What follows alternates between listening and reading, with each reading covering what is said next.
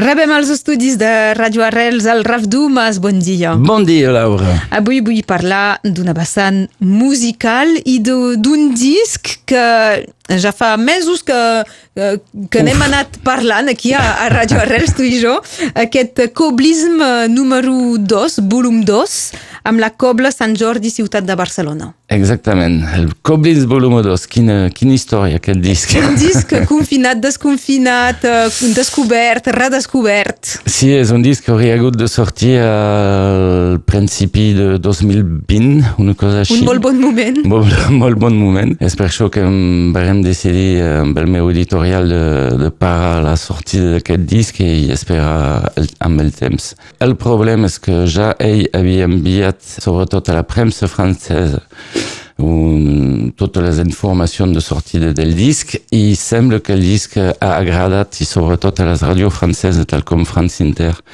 i FIP i... Això és una bona notícia. Super bona Fi, notícia. Finalment ha, ha fet la seva vida sol. Ha fet la seva vida sol i el problema és que ha començat a entrar dins la playlist de l'estiu de France Inter i Radio Nova i diferents ràdios parisenques i hem hagut de treure-ho amb molt de precipitació a través de l'streaming i totes les xarxes de streaming, és a dir, Spotify, iTunes, Deezer, etc. etc. Aquest disc doncs, és en format digital, podríem dir. De moment és en format digital. Hi ha pas format... Uh... No, i preparem el, el format físic i la sortida de, del disc físic per la rentrada. En tot cas, per el moment, on podrem amb la cobla anar a defensar el disc davant un públic i, i fer concert, i fer bolos, perquè el problema és aquest, és que si no hi ha concert, mai podrem vendre els discos físics. Aquest Coblism volum 2, um, com el definiries? És, uh, és un projecte pensat uh, conjuntament entre el RAF i la, i la Cobla, més que el primer on, on són ells que se van enganxar a, al, al teu projecte? Sí, exactament. El primer era una mena de...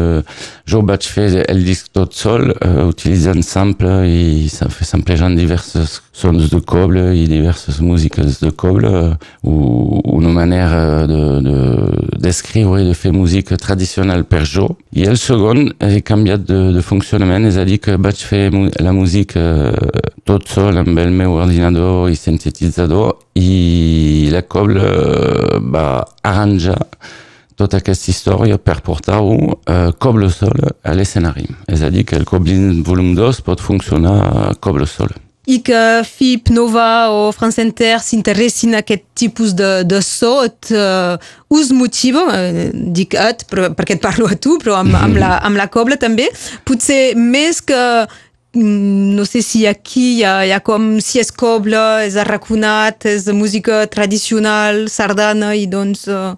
Sí, sí, l'aspecte el més curiós és aquest, és que per tota aquesta gent de, que no coneixen bàsicament la música de coble, és, és com una novetat musical i les hi agraden molt. En lloc que aquí, quan parlem d'això, quan difus, difusem aquest estil de música, per tota la majoria de la gent és quasi folclòric. Donc, hi ha feina. En lloc de ser innovador. Sí, en lloc de ser innovador. Donc, això vol dir que hi ha molt de feina a fer, sobretot a nivell local, a l'entorn de tota aquesta música de coble. Penses que ho podrem veure aviat a l'escenari o ho desitges o esteu parlant? Eh, perquè també hi ha el fet de travessar la, la frontera per uns i altres. Per això és força complicat perquè no podem... És molt complicat per assajar, és molt complicat per trobar-nos, és encara més complicat de muntar bolos perquè hi ha poc festival i poc concerts.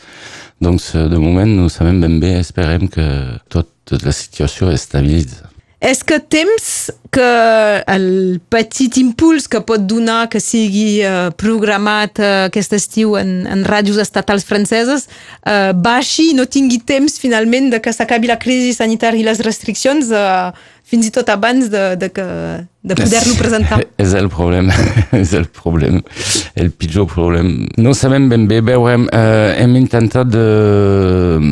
perquè hi havia diverses emissions previstes a, a les ràdios i jo no hi vaig anar, culpa de les, dels problemes sanitaris i del fet que tinc de quedar a casa pel moment, fer a casa a Perpinyà pel moment perquè mentre l'organització del Festival del Pirineu i de tot la resta. I hem posposat totes aquestes aquestes emissions a la rentrada per al mes de setembre. Donc potser gràcies a tot això podrem aprofitar de, de tot aquest eh, petit èxit eh, a les ràdios nacionals a la rentrada. Veurem. Esperem que sigui així, ens ho vindràs a explicar i a, i a comentar. Eh, en tot cas, avui volíem parlar del Coblisme volum 2, Raf Dumas i la Cobla Sant Jordi Ciutat de Barcelona, un disc que podeu escoltar a través de les diferents plataformes digitals. Exactament. Gràcies. Molt ben resumat, com sempre. Moltes gràcies, gràcies Raf Dumas. Fins aviat. Adéu. Adiu.